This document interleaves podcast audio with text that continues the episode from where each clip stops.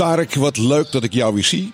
Ja, ja het is weer zover hè? Ja, ja, ja. En eh, het is weer gelukt. Ja, Een hele leuke gast in onze podcast. hij zit tegenover ons. eh, Ja. Ehm orthomoleculair voedingsdeskundige. Zeg ik het zo goed? Zeker. Joep Rovers. hey, Joep, wat fijn dat je er bent. Echt goed om hier te zijn Ja, met jullie beiden. Nou ja, we, we gaan een, eh, een klein uurtje gaan we het hebben over voeding. En ehm, allereerst wil ik even van jou weten, ehm, hoe ben jij eh orthomoleculair voedingsdeskundige geworden? Ehm, mooie vraag. Ik heb zelf, eh, toen ik wat jonger was, denk vanaf mijn zestiende, hele heftige eczeem gehad in mijn gezicht. Dus echt onder de randen van mijn ogen, de, huid, of de rand van mijn hoofdhuid. Ehm, en op een gegeven moment was ik dat zo beu, na de 6000 keer bij de huisarts, eh, na 50 verschillende zalfjes geprobeerd te hebben. Toen dacht ik, ja, dit gaat hem gewoon niet worden. Ik moet iets anders gaan zoeken. Nou, toen ben ik gaan kijken, oké, misschien zit er iets in mijn lijf wat ik zelf kan pakken om het zelf op te lossen. Ehm, en wat bleek zo te zijn. Er zat iets in mijn lijf wat niet helemaal klopte. En toen ging ik zoeken naar studies wat ik kon gaan doen om dat probleem op te lossen. Nou, toen kwam ik uiteindelijk bij orthomoleculaire kwam ik uit. Dus heb ik een, eh, een vierdaagse course gedaan, orthomoleculaire adviseur basis. Ja, en toen was ik in één keer helemaal getriggerd. Toen dacht ik, wat? Hoezo weet niemand dit? Dit moet iedereen weten. Dus ik ben dat gaan studeren, ik ben op mezelf gaan testen allerlei dingen met eten testen. Met eh, ja, nog veel meer dan alleen eten testen. En na een tijdje was ik van mijn eczeem af. Gewoon compleet weg. Dus Ongelooflijk. Maar ik, ik kan me voorstellen dat je de, de route is dat je, je hebt last van je eczeem. Dan ga je naar een huisarts, misschien naar een huidarts. En dan krijg je allemaal crèmetjes. Ja, Maar dat was voor jou niet voldoende. het, het werkte niet. Dus eh, ik heb denk ik eh, ja, de allerzwaarste hormoonzalven kreeg ik op een gegeven moment. Het werd ook erger. Eh, naarmate dat ik ouder werd, werd het alleen maar erger. Het werd niet minder. Dus ik kreeg steeds zwaarder, steeds zwaarder, steeds zwaarder. En op een gegeven moment dacht ik, bij de zoveelste keer smeren, zei ik tegen mijn moeder. Ik zeg maar, die dingen die pleur ik echt door het kiet heen. ja. ik moet gewoon iets anders gaan hebben, want dit, het werkt gewoon niet. Het werkt gewoon echt niet. En dan ga je, blijf je maar zoeken. En het kostte best wel veel moeite om op Google iets te vinden. Iets anders dan hormoonzalf. Dus je komt eerst bij allerlei dermatoloog sites, bij huisartsen.nl. Ja, en alle oplossingen zijn hetzelfde, smeren. Ja. Ja. En nergens dat je iets kon vinden van, hé, hey, misschien komt er iets van binnenuit. Waardoor dat, dat getriggerd wordt. Want ik merkte wel aan mezelf dat, dat het af en toe erger werd en af en toe minder werd. Maar kon de ja, zere vinger er niet op leggen waar dat, dat door gebeurde. Maar denk je dan ook dat eh, misschien die, die zalfjes zeg maar het juiste tegenovergestelde effect gaven? Denk je dat het voor mensen kan helpen? Of is dat zeg maar het werkte gewoon niet bij jou en ehm, je ging over naar iets anders?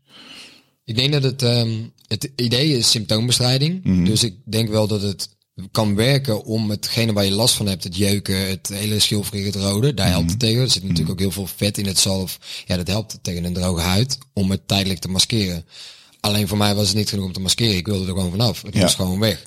Ja. Ja, en eh, zeg maar, in mijn werk stond ik heel veel voor groepen. Ja, als je graag voor groepen staat, wat wil je dan niet hebben? Dat je gezicht onder de rode vlekken zit, Nee. onder de schilfers. Ja, Dus dat was voor mij genoeg trigger. De pijn was zeg maar zwaar genoeg om te denken van oké, weet je wat, dit moet anders. Ik moet gewoon zelf gaan zoeken. ja. En wat was het? Wat, wat heb je veranderd in je leven? Ehm, heel veel. dus Ja? dat is wel. eh, de meest belangrijke was bij mij wel een aantal dingen. eh aantal voedingsproducten vermijden waarvan ik dacht dat ze gezond waren. Eh, dus ik ben altijd heel veel bezig geweest met mijn sport. Ik heb wel vier jaar echt een hele leuke studententijd geleefd. Dus daar was het allemaal ietsje minder. Maar wel heel veel bezig geweest met eten. En ik dacht op een gegeven moment eh, dat mijn vegetarisch eetpatroon dat dat een hele goede basis was. Een aantal dingen at ik heel erg veel. Aubergine, paprika, tomaat. En op een gegeven moment toen tijdens die opleiding orthomoleculair kwam er zeg maar een soort van behandelplan voor tegen eczeem. Ja, er stond een rijtje groenten in, nachtschade die je beter kon vermijden. Nou, kreeg je het aubergine, tomaat, paprika, alles wat ik dus heel de week veel at. Ja. Ja, dan ga je gewoon testen. En ik ging het testen en toen werd het iets minder. En ik had nog wel een aantal andere dingen. Eh, dus stress was best wel een grote factor in, eh in eczeem. Of kan er best wel een grote factor zijn. Voelde ik mezelf totaal niet gestrest. Ik ben eigenlijk altijd heel relaxed van mezelf. Alleen toch gaf mijn lijf vaak iets anders aan. Dus ik kwam bij een osteopaat terecht. En die zei, ja, jouw manier van ademen, dat klopt niet helemaal zeg maar, in hoe dat jij bent met je lijf. Dus je ademhaling is een hele grote factor rondom stress in het lichaam. Nou, ik ging daarmee aan de slag. Ademhalingsoefeningen doen, meditatie doen. En dan kom je op een gegeven moment kom je, merk je dat je op de juiste plek zit, zeg maar, als het minder wordt en minder wordt. En dan ja, heb je nog een hele riekel aan heel veel andere dingen die Ja. eh, daarbij komen. Maar dat waren wel echt belangrijke. En bepaalde andere voedingsstoffen gaan eten. Dus ik ben eh, een halfjaartje veganistisch geweest, daarna drieënhalf jaar vegetarisch. Eh, en ik miste gewoon een aantal belangrijke bouwstenen die ik kon vinden in dierlijke producten. Dus ik heb gewoon gezegd, weet je wat, mijn gezondheid gaat boven alles. In principe sta ik op nummer één in dit leven. Dus ik ga dat gewoon weer testen. Ehm, ga ik wel kijken dat de kwaliteit van de dierlijke producten die ik eet, dat die heel erg goed is. En dat die met dieren met respect behandeld zijn. Nou, dan kwam ik op een moment dat ik daar een aantal dingen in gevonden ging testen en het werkte. Toch is het wel grappig, want ik zie een jonge man voor me. Met een eh, hele gezellige Brabantse G.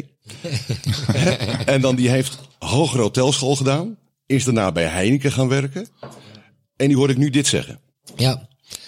Ja, grappig is dat, ja, hoe Ja, dat gaat. dat is een hele andere, hele andere Joep eh, Ja. dan die Joep die ik eh, zie, eh, die feesten aan het maken is op de hogere hotelschool. Ja. Is dat, wat, wat, wat is, is dat wat, echt ehm, dat eczeem geweest? Je voedingspatronen veranderen? Is het een wake-up call geweest? Wat is het geweest? Ehm, er zijn meerdere dingen geweest, maar toen ik eh, jonger was, ik ben echt een fanatiek sporter, dus echt vanaf kleins af aan. Ik kom uit een sportersfamilie, vader voetballen, mijn moeder heel hoog in de paardensport gezeten. En het was gewoon altijd sport stond centraal, bij alles. Dus dat is ja, vanaf kleins af aan geweest. En dat heb ik ook tijdens mijn hotelschooltijd wel volgehouden. En ik kwam van een boerderij waar dat we een eigen groentetuin hadden, eigen dieren, eigen kippen, eigen eieren. Dus vanaf kleins af aan liep ik daar rond. Ja, was het gewoon groente verzamelen en mocht ik daarmee koken.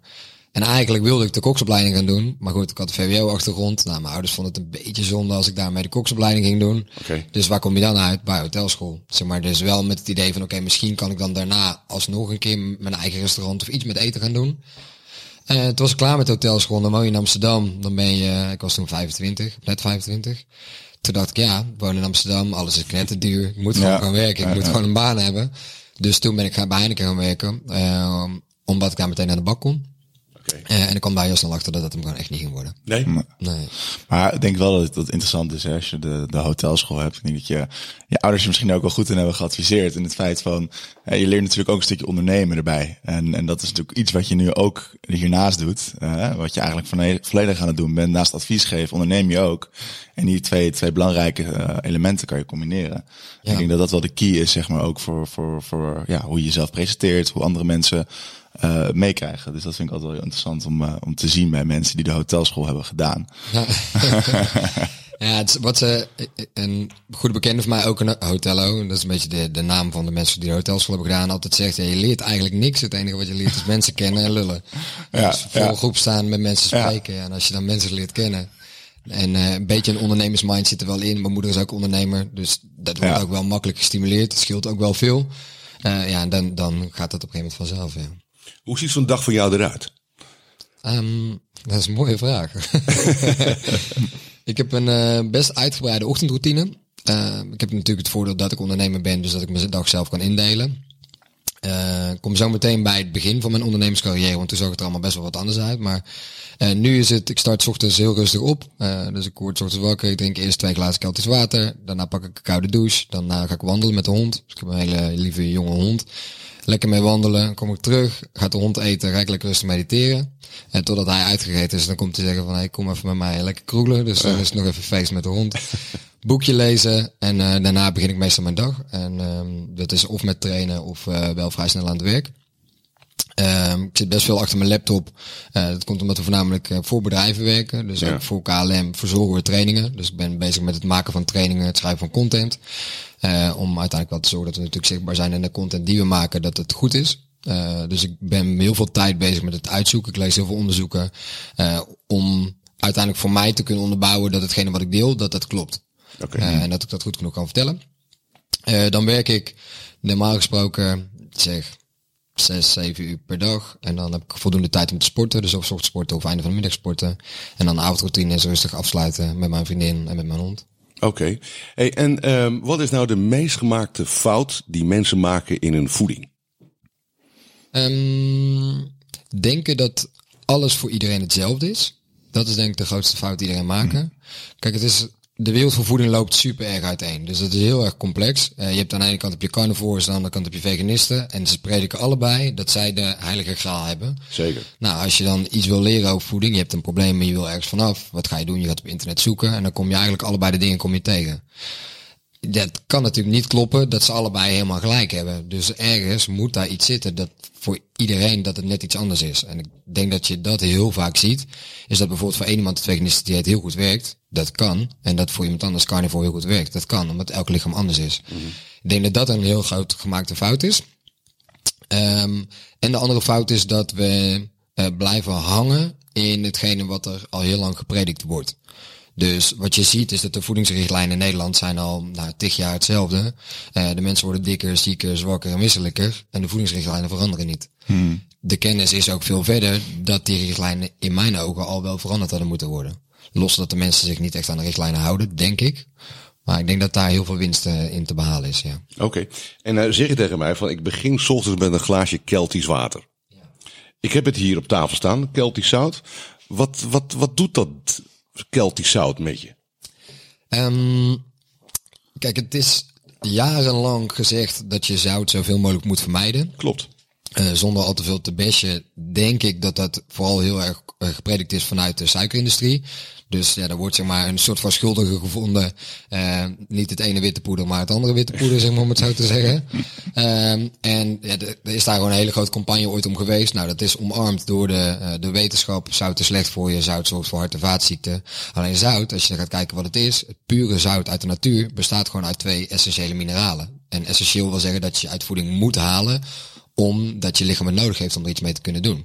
Dus als je kijkt naar zout, bestaat uit natrium en chloride. Twee verschillende essentiële mineralen die je nodig hebt, onder andere voor de aanmaak van maagzuur. Onder andere voor uh, spieren om optimaal te kunnen werken. Voor magnesium- en calciumbalans in het lichaam. Dat is wetenschappelijk onderbouwd en dat is wat mensen ook nodig hebben. Alleen wat zie je als mensen heel gezond gaan leven. Dus stel je gaat heel veel groente eten, je gaat uh, netjes grasgevoed vlees eten. Dan krijg je heel erg weinig van deze twee essentiële mineralen binnen. Nou, dat is iets wat ik dus zelf had. Ik ging zo eten. Alleen ik, uh, ja, ik ging 6000 keer per dag naar het toilet. Op een gegeven moment was het zo erg dat ik een glas water dronk. Dat ik binnen vijf minuten op de wc stond. Oké. Okay. Toen dacht ik, nou, dit kan niet kloppen. Dus zoeken, zoeken. En ik kon het maar niet vinden. Toen dacht ik uiteindelijk, wat is hetgene wat vocht in mijn lichaam nodig heeft om het vast te houden, om te kunnen hydrateren? Voor je huid, hydratatie. Dacht ik, oké, okay, natriumchloride speelt daar een rol in. Weet je wat, ik ga gewoon proberen. Ik gooi gewoon een eetlepel uh, zout in mijn water. Dat was wel te veel. Dat zou ik mensen niet aanraden om te proberen. maar om daarmee te testen. En het werkte bij mij ineens dat ik minder hoefde te plassen. Dat ik merkte dat mijn huid wat minder droog werd. Nou, dan ben ik daar dus verder in gaan duiken. En bleek dus dat het nog veel breder was dan alleen hetgene waarvoor ik het uiteindelijk in het begin voor gebruikte. Um, en sindsdien uh, pak ik het elke ochtend op nuchter maag. En ik merk gewoon dat mijn lichaam daar super snel van goed opstart. Op een rustige manier dat ik helemaal geen last meer heb van uh, opgeblazen gevoel of uh, iets anders in mijn buik dat ik merk dat het niet oké okay is. Uh, huid beter, minder plassen, ja, en nog wel honderdduizend andere dingen. Gewoon goed dus. Als je clean eet, en bij clean probeer ik vaak te zeggen, dus producten die moeder natuur gemaakt heeft. Kijk, eet uit pakjes en zakjes, daar wordt gewoon heel veel natrium aan toegevoegd. Enkel natrium, dus dan is het niet de natrium en chloride samen. Vooral heel veel natrium. Ik denk dat te veel natrium, als je dus heel veel uit pakjes en zakjes eet, dat het niet goed voor je is. Zoals dat eigenlijk alles in mm -hmm. te niet goed voor niet je is. Nee. Dus als je dat niet doet, dan kan het zijn dat je tekort krijgt van zout. Ik neem uh, elke ochtend een, uh, een, glaasje water met wat citroensap erin. Zou je dat aanraden aan mensen? Of zeg je nou, dat is ook niet zo'n goede, goede starter? Um, ik denk voor veel mensen dat het ook kan helpen. En dat heeft er vooral mee te maken dat we zien in de praktijk dat de magen steeds wat minder sterk zijn ofwel minder zuur aanmaken. Kijk, jouw maag heeft de, de sterkste zuurgraad van heel je lichaam. Dat mm -hmm. moet die hebben, omdat ja, het eten komt in je maag. Dan heb je allerlei mm -hmm. enzymen die alles kapot moeten knippen. Uh, maar er moet er wel goed genoeg zuur voor zijn. Uh, als je dan, stel je drinkt een paar glazen water. Wat gebeurt er als je iets zuurs met iets alkalisch mengt? Ja, dan gaat de zuurgraad natuurlijk naar beneden. Ja. Dus als je wel water zou drinken, maar je doet er niks zuurs bij, dan daalt die zuurgraad weer. Dus in dat geval zeker goed.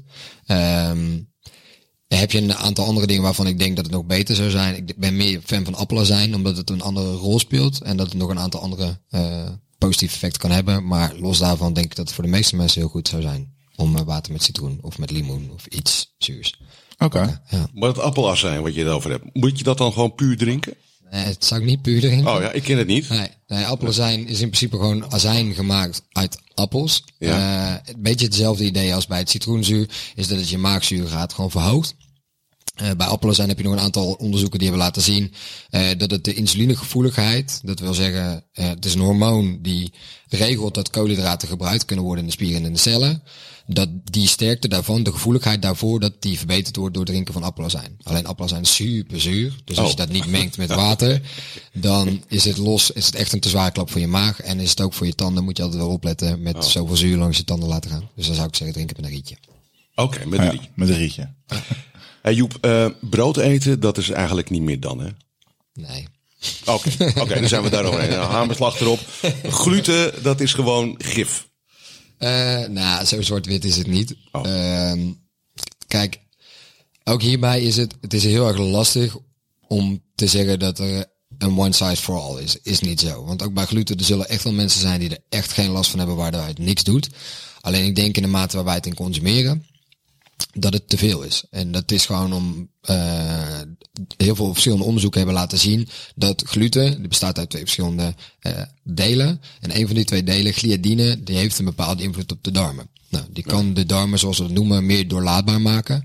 Waardoor dat er makkelijker schadelijke stoffen naar binnen komen. En waardoor dat je darmen minder goed kunnen filteren welke voedingsstoffen wel en welke voedingsstoffen niet naar binnen moeten komen.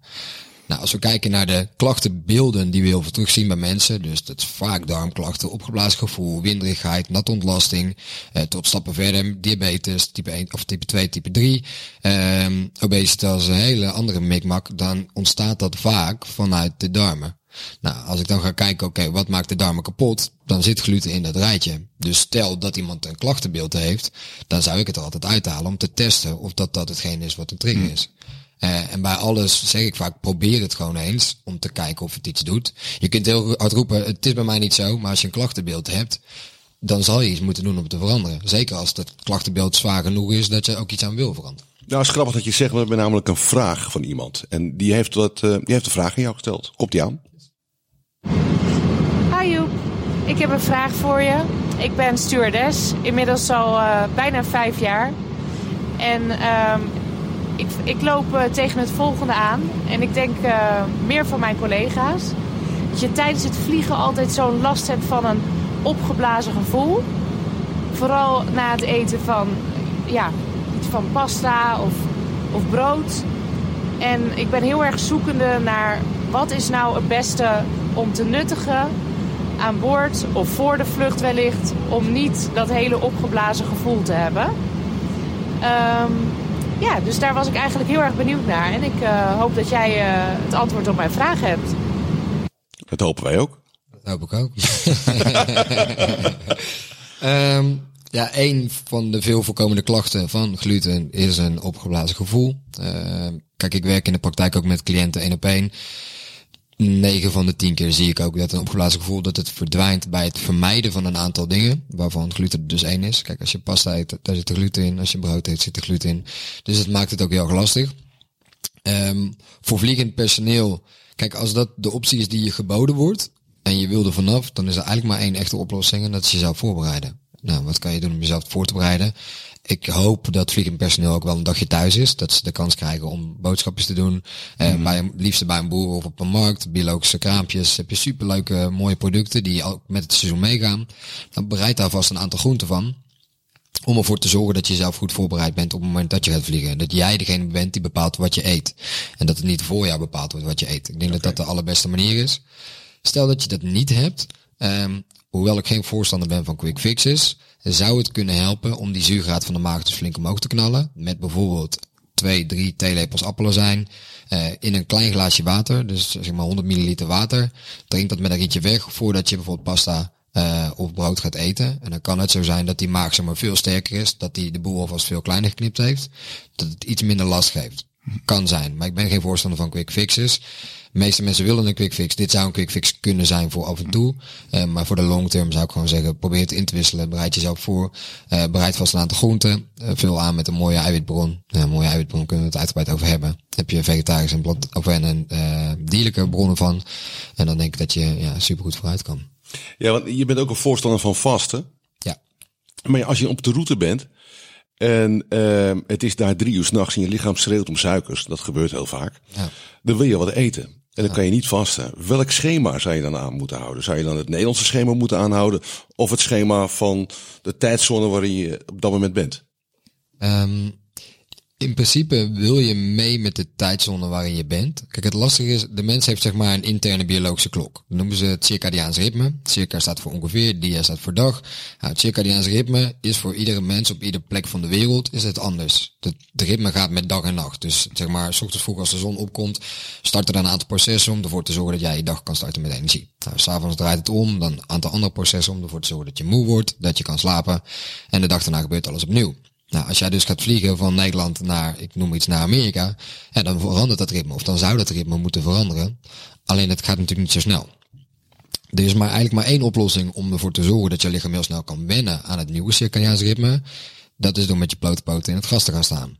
Dus letterlijk je lichaam in contact laat staan met de aarde op de plek waar dat je op dat moment bent.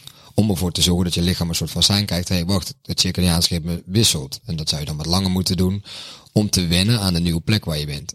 Dit is tot nu toe de enige wetenschappelijke manier die ik gevonden heb om je circadiaans ritme te laten wisselen, zo snel mogelijk. Alleen ook hierbij, het is geen quick fix. Ja, het kost wel tijd en energie. Dus in New York door Central Park heen gelopen op blootvoeten. Yes, 100%. Ja, nou ja, kijk, ik, ik, je weet, ik kom uit Jordanië, zeg maar, familie uit Jordanië. Dus voor mij zou dat betekenen dat ik in de Wadi Rum moet staan met mijn voeten en dan dat ik daar, zeg maar, de tijdritme, tijdritme ben. Maar jij zei net, hè, want dit is natuurlijk, het klinkt een beetje spiritueel, Ja. hè, aan één kant. Maar aan de andere kant zeg je net wel, een denk ik een heel belangrijk eh, element. Je hebt het is wetenschappelijk uitgezocht. Ja. En, en, en um, ja, wat is dat stukje daar dan aan? Want, want wat, wat, wat gebeurt er dan in je lichaam als jij met je voeten, laat ik zeggen, in het zand of in het gras gaat staan? Laat ik zo zeggen, in Jordanië is niet echt gras. Ja. Dus dan zou het waarschijnlijk in de woestijn moeten zijn waar je met je... Met Ook je, goed. Ook goed, inderdaad. Maar wat, wat triggert dat dan in je lichaam? Ehm, Oké, dit gaat in het begin ook wat zweverig klinken. Ja. Kijk, in theorie bestaat jouw... laten we het lichaam afbreken tot de kleinste molecuul. In principe begrijpt iedereen het idee dat je lichaam uit moleculen bestaat. Ja. Nou, moleculen die vibreren, dus die trillen eigenlijk heel de dag. Dat is wat we energie noemen. Dus eigenlijk bestaat het lichaam uit niks anders dan moleculen die trillen op een bepaalde frequentie. Dat is energie. De aarde, die heeft precies hetzelfde. Bomen zijn precies hetzelfde. Alles wat moeder natuur gemaakt heeft, heeft een bepaalde energie, een bepaalde frequentie, waar het op vibreert. Nou, de enige manier voor ons om te bepalen waar dat het lichaam zeg maar, zich verbindt, is eigenlijk door in contact te staan met de aarde. Nou, wat ze in wetenschappelijk onderzoek hebben laten zien, is dat de uitwisseling tussen de elektronen van de mens en de aarde, dus dan heb je zeg maar die moleculen die energie uitwisselen samen met elkaar, die kunnen ervoor zorgen dat het circadiaanse ritme zeg maar wisselt van de plek waar dat het was naar de plek waar dat het dan is. Ehm, mensen die nu zoiets hebben van ja, dit klinkt nog steeds te zweverig, dan zou ik vooral zeggen, check eens een documentaire op YouTube, die Irving Movie. Daarin laten ze ook alle wetenschappelijke onderzoeken zien. En het gaat nog veel breder dan alleen het circadiaanse ritme wisselen. Het gaat echt baby's die niet kunnen stoppen met huilen, eh zet ze met de blote voetjes in het gras, stoppen met huilen, tot aan eh, Tegenwoordig hoor je het vaak, heel vaak het woord ontsteking of inflammatie terugkomen. Letterlijk het remmen van, remmen van ontsteking in je lijf door met je blote voeten in het gras te gaan staan. Ja, als je een quick fix wil hebben, dan is dat in principe een quick fix, zeg maar. En dat laat ze in, dat, eh, in die documentaire mooi zien. Eh, en daar heb je ook gewoon heel veel wetenschappelijke artikelen over. Dus in de docu zelf zitten 21 wetenschappelijke artikelen. Eh, stel dat je het interessant vindt, dan duiken we vooral verder in. En hoe heette die uh, documentaire ook weer? Die Irving Movie. De Irving Movie. Ja. Hey, en ehm, nog iets wat me triggerde. Hooikoorts. Ja. De- daar kan je dingen voor in je neus spuiten. Je kan er pilletjes voor innemen. Maar je hebt daar ook een andere oplossing voor. Ehm, zeker. Mm, ik denk dat ja, hooikoorts is een, in principe een allergische reactie van het lichaam. Als we gaan kijken waar de meeste allergische reacties vandaan komen, eh, is het vanuit de darmen. Dus er gebeurt iets in de darmen, dat geeft een reactie. Alleen de darmen, die zie je natuurlijk zelf niet. Nee. Dus wat doet jouw lichaam? Super slim. Die geeft een reactie ergens dat jij er zeker genoeg last van hebt dat je er iets aan gaat doen om het op te lossen. En eigenlijk is dat niks anders dan een andere allergische reactie. Je gaat vaak eh, wat snotteren, je krijgt traanogen. Dat is een signaal van je lijf. Er is iets niet goed. Je moet iets doen voor mij om het op te lossen. Nou, als ik dan weer ga kijken naar de darmen, wat maakt de darmen kapot? Er zit bijvoorbeeld gluten zit in dat rijtje. Er zitten nog een aantal andere dingen in dat rijtje. Kijk eens of dat je die kan vermijden. En kijk dan of dat je daar resultaat van kan boeken. En ook hierbij, dit is echt geen quick fix, want de darmen repareren kost echt tijd. Dus wat je vaak ziet, is mensen proberen dat een week. Ja, Joep, werkt niet. Hoe lang heb je het geprobeerd? Een week. Ja, hoe lang loop je met hooikoorts? 25 jaar. Wat denk je dan dat je 25 jaar in één week gefixt krijgt? Come Ja, on. maar dit is net als voor mezelf voor praten. Kijk, ik wil graag een atletisch lichaam hebben. Ik wil graag eh barbecuen. Ik wil graag ook mijn wijntje drinken. Ja. En eh, het liefst morgen. Ja. Snap je? Ja, maar zo, zo, zo ben ik wel helemaal. Ik zou liegen als het niet waar is. Ja. Ehm, maar het is ook bij mij een visuele cirkel. Weet je, eh, ehm, als ik jou dan zie hè, met jouw sixpack, en dan denk ik van ja, dat wil ik ook wel. Alleen ik wil niet al te veel moeite voor doen als het even kan. Want ik moet eerst die zin zien te krijgen. En ik denk dat dat het de keyword is. Je moet eerst in een mood zien te komen. Dat je wil gaan sporten. Dat je zin hebt om te gaan sporten. Want dat heb ik momenteel niet. Ik heb, als ik jou met die gewichten zie, denk ik van, ah, god, wat, waar ben ik mee bezig? Ja, drie keer dan denk ik van, stop er maar mee. Dus je moet eerst in die mood zien te komen. Dat je denkt van, ik ben trots op mijn lichaam. Ik zie effect. En dan ga ik door. Maar hoe kom je daar? Ja, dat is een mooie vraag. Dan krijg je een stukje motivatie, een stukje discipline. Ehm, ik denk dat het vooral altijd is, of de pijn moet groot genoeg zijn. De, op dit moment wil jij die sixpack niet graag genoeg, want anders zou je er alles voor doen. Dus zeg maar, de, de pijn moet groot genoeg zijn om het te willen. Hij zit er wel. Alleen heel goed. Heel goed hij, hij zit er wel. Joep. Hij zit er wel. Joep. Dan gaan we daar even naar kijken als de podcast afgelopen. Nou, ik, ik heb een tijd gehad dat ik mijn overhemd in een wok moest strijken. Om een model er een klein beetje in te krijgen. dat is nu minder, omdat ik dus geen gluten meer eet. Dus wat dat, dat helpt wel. En ik voel me ook veel fitter. Ja. Dat is ook echt waar. Ja. Maar nu wil ik gewoon die drive hebben om weer te gaan sporten. Dus ik wil, ik wil gaan sporten. Alleen, ik merk aan mezelf, als ik dan op die fiets zit en ik heb te veel tegenwind, dat ik denk van, het gaat geen 10 kilometer worden. Het wordt gewoon 3 kilometer en dan gaat Mark weer heel snel terug naar huis. Ja. Ehm, bij de meeste van dit soort dingen is het vooral, je moet gaan voelen wat het doet. En in het begin, dat heeft ook even tijd nodig. Dus er zijn een aantal dingen wat je kan doen. Is of zoek een beweegbuddy. Iemand waarvan je weet, die motiveert mij, die stimuleert mij om ervoor te zorgen dat ik dat ga doen. Kijk, ik train altijd met mijn compagnon. Altijd. Als ik geen zin heb, ja, dan zeg ik gewoon per vriend. Er wordt gewoon getraind vandaag. ja, ja, ja.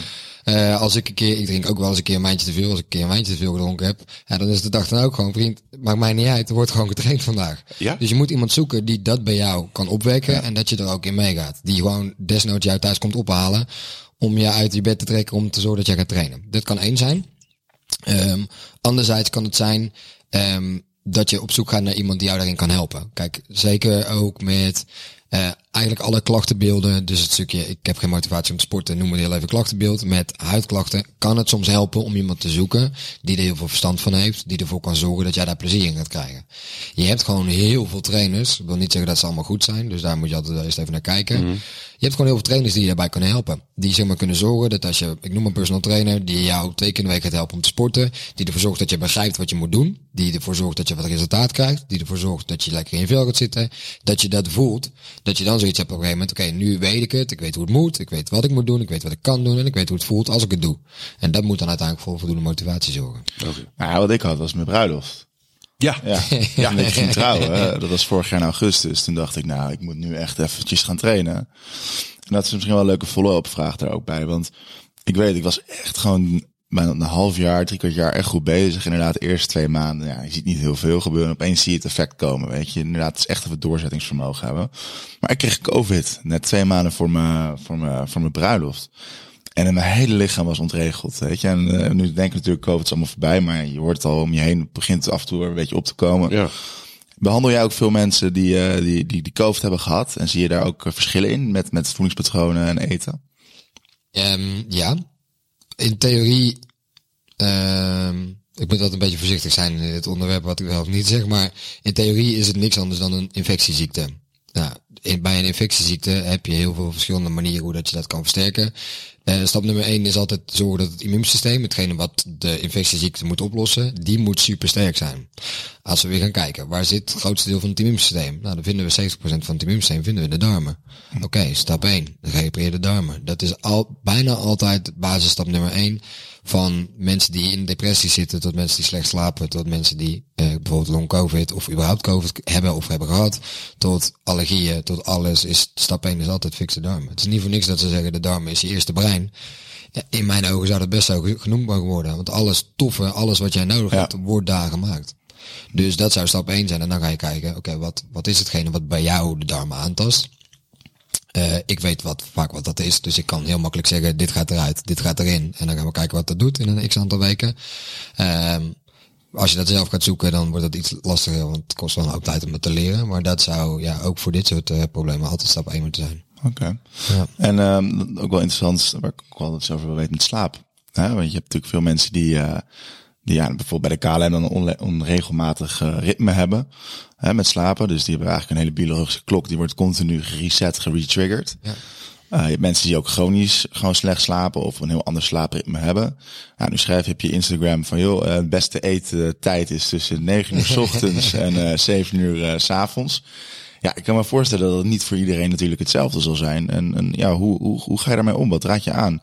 En hoe stimuleer je waarschijnlijk ja, een goede slaap, uh, slaappatroon?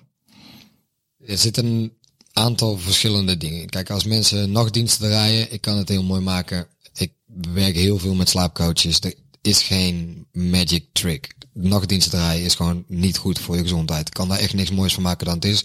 Wat je wel kan doen, is te zorgen dat je lichaam er zo goed mogelijk mee omgaat in theorie zou ik proberen zo goed mogelijk vast te houden aan het circadiaans ritme. Dus voor mij, in, een basis van een behandeling, is altijd circadiaans ritme is altijd leidend. Dus als we gaan kijken, circadiaans ritme start op zodat de zon opkomt, zorgt ervoor dat de spijsvertering gaat werken. Dat gebeurt ergens in de ochtend. Om wel op dat moment dan eigenlijk je eerste maaltijd te eten, dat dat zou kunnen. Um, ga je kijken in de middag, dan eet je daar ergens je tweede maaltijd. Als dat iets opschuift, is niet zo'n ramp. En probeer wel je avondmaaltijd te eten op het moment dat je normaal gesproken volgens het circadiaanse ritme je avondmaaltijd zou eten. Dat zou betekenen dat als je s'nachts werkt, dat je dan dus s'nachts niet eet. Hm. In theorie moet dat makkelijk kunnen. Alleen in de praktijk zien we vaak iets anders. Mensen maken vaak voedingskeuzes, eh, bijvoorbeeld die veel gericht zijn op het eten van snelle koolhydraten. In ons de richtlijnen van Nederland wat je moet eten, dus vind je ook heel veel snelle koolhydraten in terug. Dus pasta, rijst, brood, vind je daar veel in terug. Mm nou, wat gebeurt er als je dat veel eet? Krijg je heel snel energie van, maar dan gaat de energie ook heel snel naar beneden. Dan heeft jouw lichaam ook heel de dag eten nodig om te kunnen werken. Stel dat je dat zou aanpassen en je zou zorgen dat je dat zoveel mogelijk naar beneden brengt. Mhm. Dus dat je je energie ergens anders uit gaat halen. Bijvoorbeeld uit vetten uh, of meer uit groenten of fruit met een laag glycemische index. Glycemische index wil zeggen hoe snel wordt die koolhydraten afgebroken tot suiker. Mm als we meer daarop gaan richten, veel eiwitten, dan zie je dat het lichaam minder gaat schreeuwen om eten. Dan maak je het makkelijker voor jezelf om je dus vast te houden aan die eetmomenten die volgens jouw biologische klok het beste zijn. Ja. Dat is puur gericht op eten. Gericht op slapen. Kijk, je hebt een aantal hacks wat je zou kunnen doen om ervoor te zorgen dat je Stel dat je een nachtdienst werkt, dat je bijvoorbeeld tijdens de nacht het blauw licht gaat filteren om ervoor te zorgen dat als je die nachtdienst uitkomt, dat je dan dus wel ochtends, dat je voldoende melatonine, is een slaaphormoon, dat je die voldoende hebt aangemaakt, dat als je dan eindelijk in bed ligt, dat je dan wel nog kan slapen. In ieder geval een deel. Want die, die, die schermpjes op je telefoon zijn eigenlijk gewoon funest, hè? Als je, als je daar heet het op zit. Ja, niet alleen op je telefoon, je laptop, eh, de lampen, de meeste lampen bij mensen thuis, op werk, in het vliegtuig zijn natuurlijk super fel. Ja. Ja, wat dus fel licht voor jouw brein hey, het is daglicht. Ja, ja. Dus ik moet er lekker aanstaan, ik moet wakker zijn. Dus als je dat wil filteren, dan kan dat. Je hebt gewoon brillen die letterlijk het blauw licht, het felle licht daarvan filteren. Die er dus voor zorgen dat je wel gewoon een beetje in de natuurlijke ritme kan blijven. Ochtends vroeg, stel dat je na een lange vlucht de auto nog een klein stukje in de auto naar huis moet, zet de zonnebril op. Dan denkt je brein namelijk dat het avond is. Hm. Dus dan kan je zoiets hebben, hey, oké, mijn brein denkt, hey, het is avond, dus ik moet ervoor zorgen dat die slaaphormonen dat die op gang komen. Dat als ik dan thuis kom, maak mijn kamer, slaapkamer pikken donker, echt pikken donker. Dus het idee van de nacht nabootsen, om ervoor te zorgen dat die uren dat je dan in bed ligt, dat je dan wel goed kan slapen. Oké, en je hebt het over het circadiaans... Circadiaans ritme. Circadiaans ritme.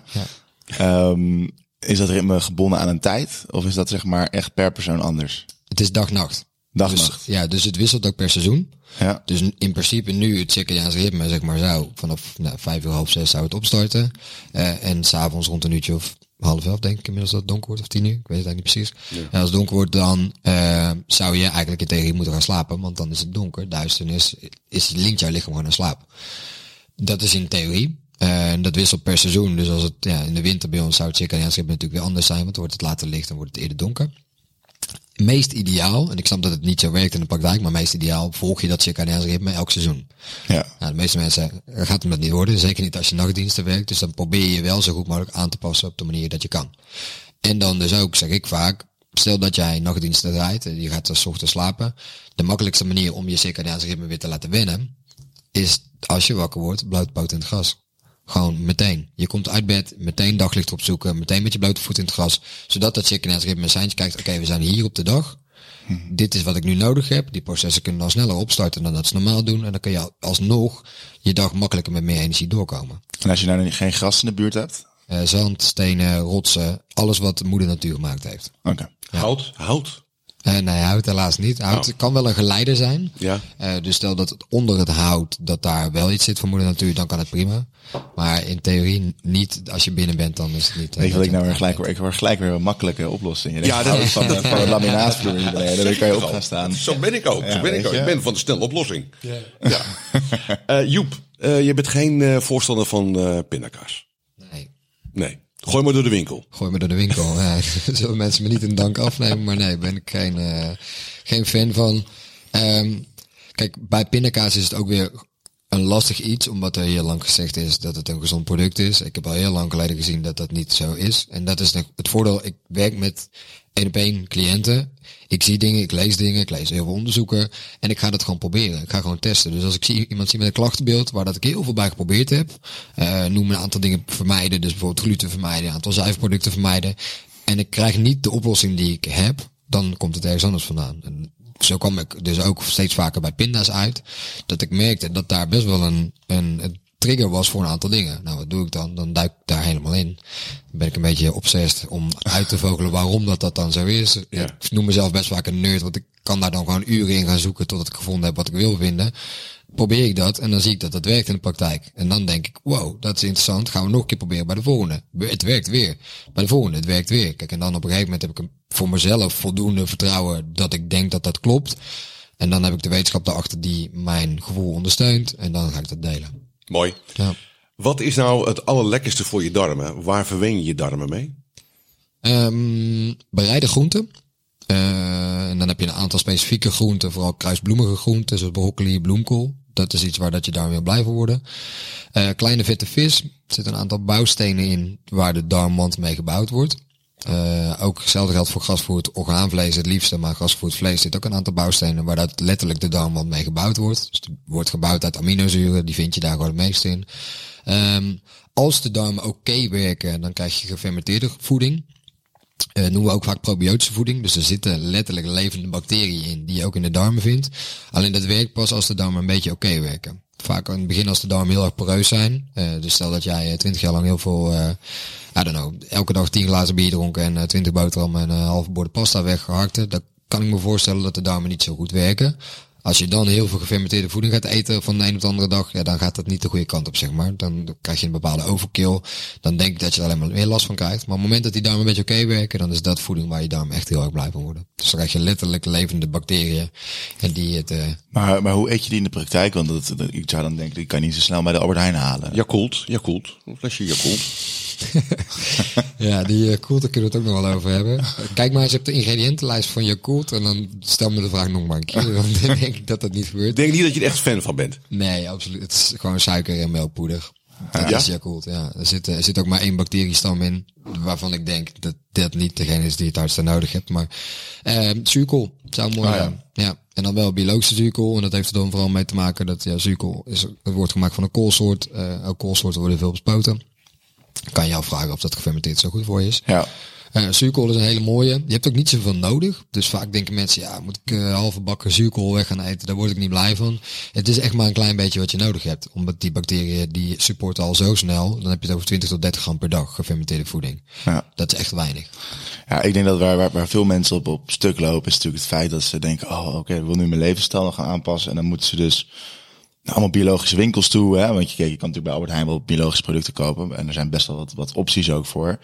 Maar dat mensen dat helemaal moeten gaan onderzoeken. Die denken, oh ja, ik moet wel een, ja, zuurkool, maar dat liefst ook eh, biologische zuurkool hebben. En dan, hè, je hebt ook met de prijs tegenwoordig, inflatie die er is, is het natuurlijk best wel lastig. Dus zijn er voor, voor, ja, dingen die jij zegt, nou dat zijn de goede startpunten waar je, eh, waar je kan beginnen als het over voeding gaat?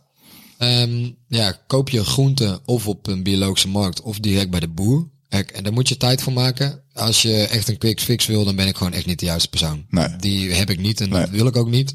Omdat ik ook vind dat je, jij moet zelf doorkrijgen dat jij de belangrijkste persoon bent. Dat jouw gezondheid, dat dat hetgene is wat je nodig hebt. Om uiteindelijk goed te kunnen presteren. Om uiteindelijk een lekker energie te hebben. Een leuke dag te kunnen maken. Ehm, ga naar de biologische markt. Bijna elke stad en zelfs bijna elk dorp heeft wel een, een markt. Waar dat veel groenten die daar verkocht worden biologisch zijn. Niet alle, veel. Dus altijd even checken.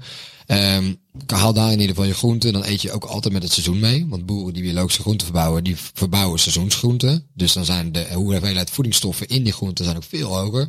Hij begint daar als basis. Ja. Ehm, dan merk je ook dat de prijs daar een stuk lager ligt dan in de supermarkt. Dus biologische groenten in de supermarkt, ja, is duur. Dat is ook duur. Nou, ga naar een biologische boer. Kijk maar eens dat je mee thuis komt met een eh, zak 10 euro. Ja, dus eigenlijk de markt is daar een goede plek voor. Je hebt eigenlijk ook nog gelijk een leuke date met je vrouw, bij wijze van spreken. Of met je man, dan kan je lekker even naar de markt toe. En dan maak je ook gelijk even een leuke wandeling buiten. Ja. Ja, dus ik denk dat mensen er zo even naar moeten kijken. Hè. Ik bedoel, als je mensen denken altijd gelijk, oh, het is een grote stap. Maar ik zie gelijk al allemaal kansen eh, hier in Amsterdam. Ik woon in Amsterdam, dus ik denk, nou, dan gaan we eens even kijken. Ja. Dus, eh, Ja, in Amsterdam heb je natuurlijk heel veel marktjes. Ja, fantastisch. Tenminste, ik vind dat fantastisch. Ja. Ik weet niet of dat ik dan gewoon daar te veel op gefixeerd ben. Maar ja, het is gewoon een heerlijk dagje, of een middagje weg of ochtendje. Wij gaan altijd op zaterdagochtend, ook vaak samen met mijn vriendin dan. Ja. En anders alleen, ja, voor mij is het gewoon een eh, standaard uitje op de zaterdagochtend. ja, leuk. 9 uur naar de markt. Ja, precies. ja. En dan wil ik nog hebben over iets anders. eh, de werkatleet. Ja. Wat, wat houdt dat in? Ehm werkatleet is ehm, het bedrijf van mij en mijn compagnon. Eh, mijn compagnon Jeroen Bouwman en ik zijn eh, inmiddels denk ik bijna 25 jaar vrienden. Dus eh, vrienden geworden op de basisschool, heel jong al. Altijd samen gevoetbald, altijd samen gesport. Dus de grootste, grote leidraad in ons leven was het sporten. En daarna werd dat zeg maar meer gez- gezonde leefstijl. En toen ik werkte bij Heineken, toen kwam ik er vrij snel achter, dit langdurig stilzitten voor mij, dat werkt gewoon niet. En het werkte in zoverre niet dat ik mezelf s'avonds heel moeilijk kon motiveren om nog te gaan sporten. En dat was voor mij echt een hele rare trigger. Dat sporten is altijd een leidraad geweest in mijn leven. Hoe kan het zo zijn dat ik in één keer s'avonds geen zin meer heb om te sporten? Nou, hij was toen net klaar met Fontes Sporthogeschool. Hij zei gewoon tegen me, ja, dat komt door een aantal dingen die je nu doet gedurende de dag. Dat veel stilzitten, weinig buiten komen, weinig daglicht. Daardoor wordt die zin ook minder. Dus zou het misschien een idee zijn voor jou dat je kan sporten tijdens de werkdag? Dacht Ja. ik, wow, nou, best een chill idee eigenlijk. Dus toen hebben we het al lang over gehad, gesport. Eh, hij was toen, hij wilde niet voor een baas gaan werken, hij wilde graag gaan ondernemen. Nou, was het niet een idee dat hij dat ging doen. Hij zei, ik wil dat wel doen, maar dan wil ik jou als compagnon erbij hebben. Je hebt natuurlijk hotelschoolachtergrond, je kent veel mensen. Hier ga jij het verkopen en dan ga ik zeg maar zorgen dat mensen meer kunnen werken aan een gezonde leefstijl. Zo zijn we begonnen. Ik denk dat ik eh, drie weken werkzaam was bij Heineken. Dat ik eh, bij mijn manager naar binnen liep. Ik zei, ik stop ermee. Na drie weken? Ja. Ja, ik heb wel mijn contract uitgediend. Dus eh, ik heb daar negen maanden gewerkt uiteindelijk. En na negen maanden toen begon met werkatleet. En toen dachten we, we hebben echt goud in handen. Ja. Iedereen wil dit. En er gebeurde niks. Dus het begin van de ondernemerscarrière was echt zo, oké, we moeten hier echt wel hard aan gaan trekken. Eh, dat was ook echt het begin dat je zag dat vitaliteit zeg maar wat belangrijker begon te worden. Nog niet super erg aanwezig was. Ehm, en toen zijn we gewoon begonnen met letterlijk het koppelen van sporttrainers aan bedrijven. Dus eh, Jeroen was daar dan, eh, ja, hij had de kennis over sport en bewegen. Die was daar dan een beetje de, de, de baas voor de sporters. Dus die ging zorgen dat de trainers goed waren. En ik ging gewoon op zoek naar klanten. En dat was in dezelfde tijd dat ik met mijn eczeem, dat het zeg maar zo erg de spuigaat uitliep. Dat ik zelf zoekende eh, was naar wat ik kon doen. Kreeg steeds meer kennis over eten, over slapen, over stress. En ik begon steeds meer te lezen dat ik dacht, oké, misschien kunnen we daarin iets meer doen dan alleen het sporten. Eh, kijk, als je sporten doet bij bedrijven, dan zie je dat de sporters doen mee. En degenen die niet van sport houden, ja, die doen natuurlijk niet mee. Die vinden dat niet leuk. Nee. Dus wat kunnen we doen om ervoor te zorgen dat naast die sporters, die hebben we nu, dat we ook de rest iets kunnen leren over gezonde leefstijl. Nou, dan ga je trainingen maken. Trainingen over hoe kan je je dag indelen. Trainingen over wat kan je eten. En wij doen het altijd zonder dat we een kant kiezen. Dus kijk, de wereld van voeding, ik heb een hele duidelijke mening wat ik denk dat gezond is. Ja. Alleen dat niet iedereen vindt dat hetzelfde en het werkt ook niet voor iedereen hetzelfde. Kijk, als iemand heel graag veganistisch wil eten, ja, wie ben ik dan om te zeggen dat hij dat anders moet doen? Nee, Dat nee, nee, klopt. zelf uitzoeken. Dus wat doen we? We leren over alle facetten van voeding. En dan gaan ze zelf kijken wat past bij hun. En omdat we het zo laagdrempelig doen, merken we gewoon dat hetgene wat we doen, dat dat werkt en dat het aanslaat. En neem eens op een dag mee. Dus jij komt bij een bedrijf binnen. En hoe Eh, gaat dat? Ja, het verschilt een beetje. Ehm, dus wat wij heel graag willen is, we willen er voor iedereen zijn. Dus onze missie is, wij veranderen werknemers en atleten. Dus wij werken niet zozeer voor de bedrijven, maar we werken voor de werknemer. Mooi. Daarvoor ja, dienen wij ons. Ehm, en we willen die gewoon op een laagdrempelige manier alles leren over vitaliteit. Dus meestal komt het bedrijf wel met een vraagstuk. Adviseren wij altijd om met één van onze trainingen te starten. Om überhaupt te kijken of dat een matcher is. Eh, anders dan anderen heeft het voor ons geen zin ik kan natuurlijk een heel duur programma verkopen aan een bedrijf. Maar als de werknemers ons niet voelen, gaat het nooit iets worden. Dus doen we eerst altijd een kleine test, één training, zit je nergens aan vast. Dan kijken of dat, dat werkt. Ehm, werkt dat, dan gaan we kijken, oké, wat was het vraagstuk? Nou, het vaakste kan zijn, in deze tijd is het vaak werkdruk is te hoog of de werknemers slapen slecht, ik noem maar iets. En dan gaan we daaromheen gaan we een programma maken met verschillende trainingen, bepaalde frequentie dat we langskomen, dat we ze dus leren over die thema's en dat ze elke keer zelf aan de slag gaan. Dus het is eigenlijk kennis overdragen wat je misschien wel op school had moeten leren, denk ik. En dat leren wij. Maar ja, voor de werkgevers is het natuurlijk ook gewoon belangrijk. Want uiteindelijk, hè, je bent er voor de werknemers. Maar als die werknemers allemaal beter functioneren, is natuurlijk ook een hogere efficiëntie op, het, op de werkvloer. En dat is uiteindelijk waar je natuurlijk als werkgever, um, ja, waardoor, waardoor dat interessant is. Ja, Alleen uh, ja, probeer dat maar eens bij elke werkgever te vertellen. Ja, dus dat is, uh, zeker. Probeer dat maar eens geld uit te drukken. Uh, dat is lastig om met geld uit te drukken. Kijk, uiteindelijk onderaan de streep draait het om één ding. Dat geld eigenlijk voor alle bedrijven. Laten we wel wezen, het bedrijf moet gezond zijn of moet genoeg geld binnenhalen om gezond te kunnen zijn. Um, en je ziet wel in de afgelopen twee jaar natuurlijk wat er gebeurd is, is dat heel veel mensen makkelijk ziek werden. Ja, het ziekteverzuim is heel hoog geworden. Het ziekteverzuim is heel erg hoog geworden. Stress, burn-out cijfers, maar ook los daarvan, als iemand geveld werd door COVID, en nogmaals, het is een infectieziekte, wat een goed functionerend lichaam makkelijk eruit zou moeten kunnen knallen. En dan moet je eigenlijk binnen een paar weken weer terug op de rit zijn. Ja. En dat heeft echt iets aangewakkerd dat heel veel bedrijven nu zeggen, oké, stel dat dat nog een keer gebeurt, dat kunnen we echt niet ja, leiden, zeg maar. Dus wat doen we? We zorgen ervoor dat we onze werknemers in ieder geval zo fit en vitaal mogelijk zijn. En nu begint dus wel die transitie echt te komen van oké, we zien het nut ervan in. Ja. Het levert ons geld op onderaan de streep, waar dat, dat een aantal jaar geleden nog niet zo was.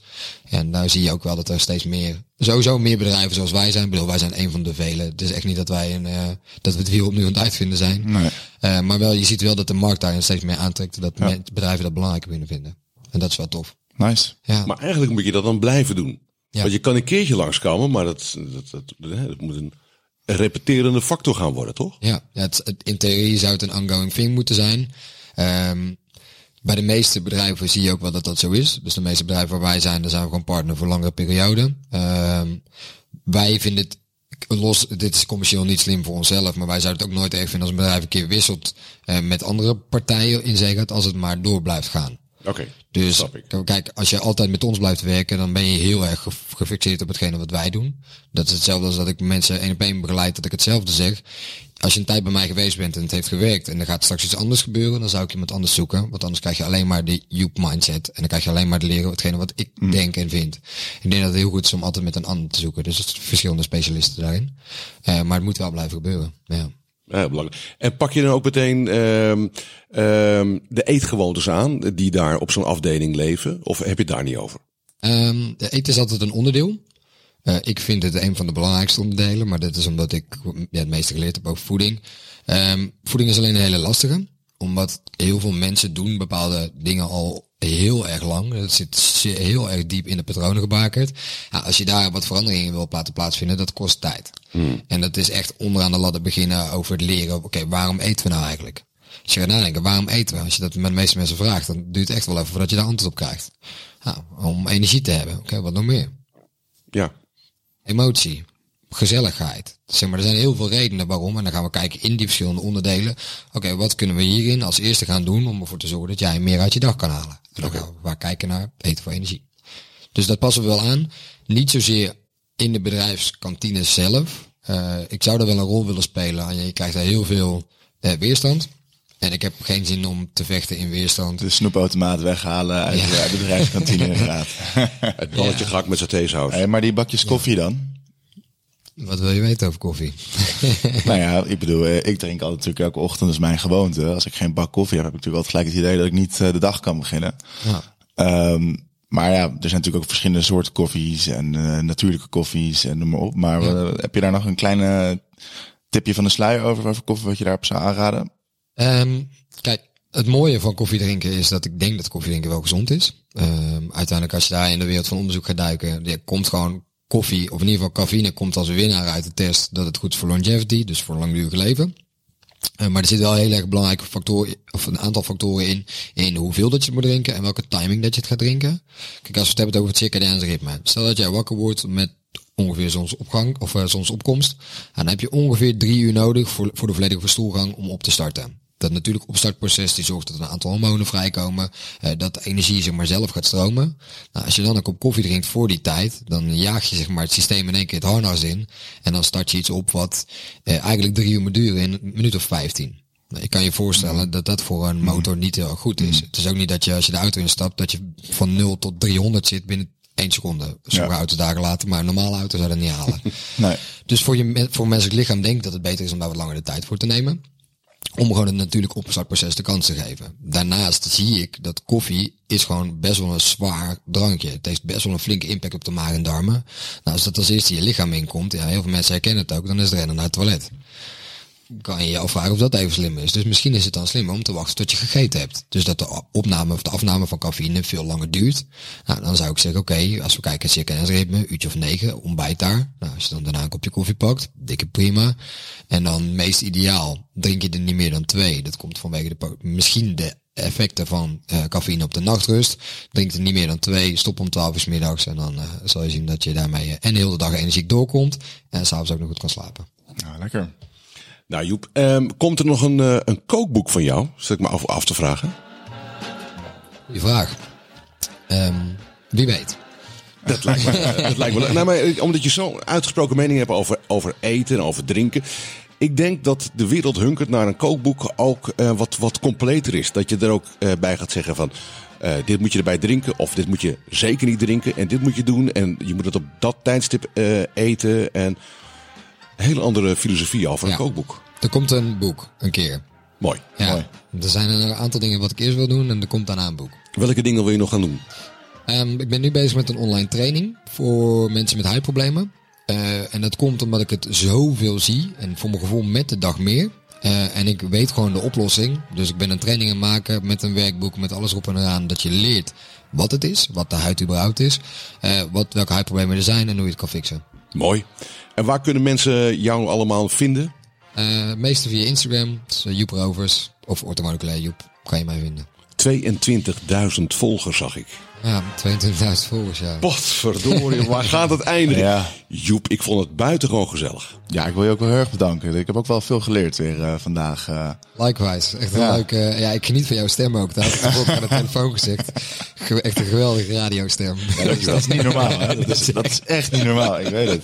ik zei ervoor een beetje Michael Pilacic eh, vibe krijg ik bij je. Ja, dankjewel, dankjewel. nee, maar het, ging, het is als een trein voorbij gevaren. Ja, we Dus zitten alweer het op is echt, eh, eh, 45 minuten ongeveer. Eh. nee, dus al een uur. Ja, joh. Hey, misschien nog een kleine, kleine update dat we nog eigenlijk normaal niet echt in onze podcast doen natuurlijk. Maar nog eventjes de, de mensen die ons, eh, die ons beluisteren om te vragen of ze ook echt de volgknop willen indrukken op onze eh, Apple podcast. En we gaan ook live met, ons, eh, met onze Instagram account. We hebben al eh, 1200 volgers. de Podfather en Potler, dus dat is mooi. Dus daar komt ook wel wat moois aan. Dus dat gaan we ook allemaal delen op onze website en in onze podcast. Heel mooi. Joep, nogmaals hartelijk dank. Jullie bedankt. We blijven je volgen. En wie weet tot de volgende keer. Lijkt me heel erg gezellig. Zeker weten. Dankjewel Joep.